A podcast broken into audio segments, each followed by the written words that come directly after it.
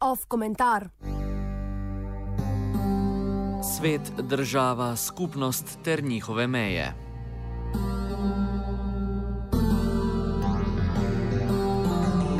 Začnimo z realnim primerom, ki nam je vsem znan.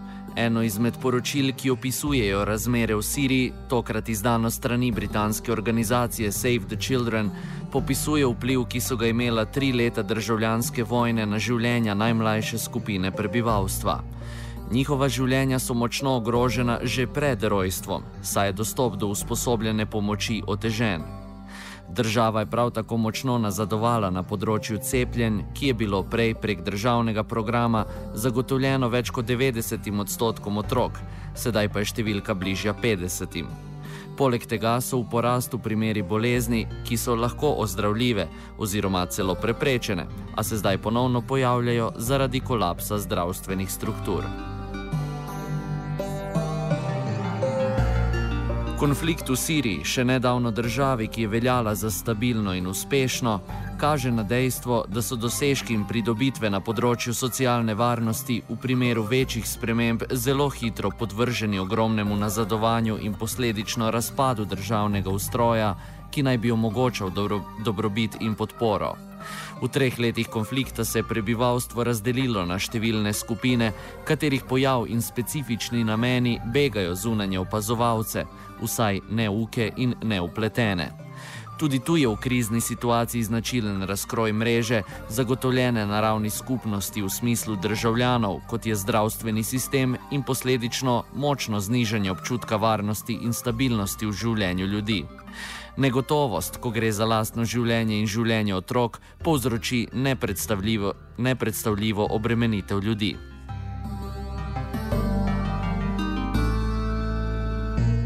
Sam koncept skupnosti temelji na obstoju dejavnikov, kot so skupni viri, potrebe in tveganja, ki pa so vsi podvrženi velikim spremembam v času vojn in drugih ekstremnih dogodkov. Na ravni celotne države viri dobrin in storitev postanejo nezanesljivi, potrebe po njih pa se povečajo.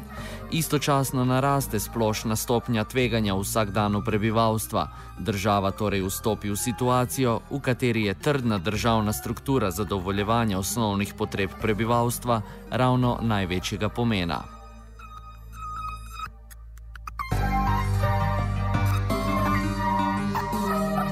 Družbeni konstrukt pojma skupnosti tako izgubi svoj pomen na ravni države in pojavi se prostor za rast pomena drugih skupnosti, ki v svojem manjšem obsegu skušajo zagotoviti preživetje svojih pripadnikov.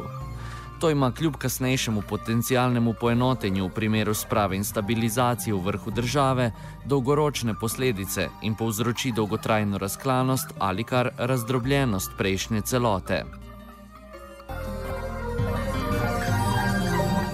Značilnosti tega so morda najbolj očitne v primerih, kjer je zaradi vojnih razmer boj za preživetje med skupinami, ki so prej živele skupaj brez konfliktov, najbolj opazen, a se ta razdrobljenost vse bolj kaže tudi v marsikateri državi v času ekonomske krize, ki ima prav tako za posledico večjo negotovost in manjši dostop do javnih storitev, ki jih je prej zagotavljala država. Kot druge, tudi tu to pomeni boj za omejene vire, ki omogočajo dostojno življenje med skupinami, ki prej v času večje blaginje niso igrale posebne vloge v pogledu ljudi. To je okolje, v katerem pride do obsojanja med temi manjšimi skupnostmi in na mesto reševanja le poglobitve konfliktov in nestabilnosti. To vrstno dogajanje morda marsikomu potrdi obstoj neke človeške narave, ki da je v osnovi sebična in konfliktna, a gre le za osnovni nagon po preživetju, ki se pokaže v času pomankanja osnovnih dobrin, ter nas ob odpovedi države potisne v zatekanje k manjšim skupnostim, za katere verjamemo, da bodo uspešnejše v zagotavljanju naše varnosti. Na tej točki bi morda bil logičen čas za poziv k spremembi našega pogleda, ali pa kar poziv k temu, da nas negotove in težke situacije povežejo in spodbudijo k sodelovanju in ne potisnejo k brezglavi zaščiti oskih lastnih interesov. Ampak tega ne bo, saj je dejstvo, da to vrstno moraliziranje nima absolutno nobenega vpliva na vzroke, zaradi katerih je do to vrstnih situacij, ki prinašajo negotovost v življenje ljudi, sploh prišlo. S tem, ko se osredotočamo le na reakcije ljudi na nepričakovane situacije, v katerih se znajdejo in jih obsojamo, le ignoriramo dejstvo, da so naša dejanja močno upeta v naše okolje in določena strani dejavnikov, ki ga oblikujejo.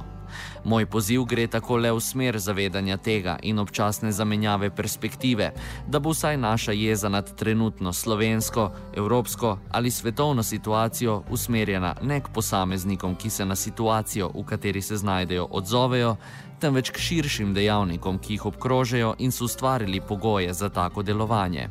Oziroma, kot je zapisal Srečko Kosovel, obup ni bolezen človeka, ampak družbe.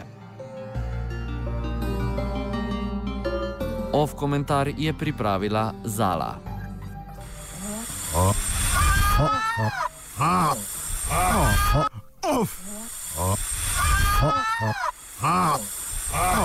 Ov komentar.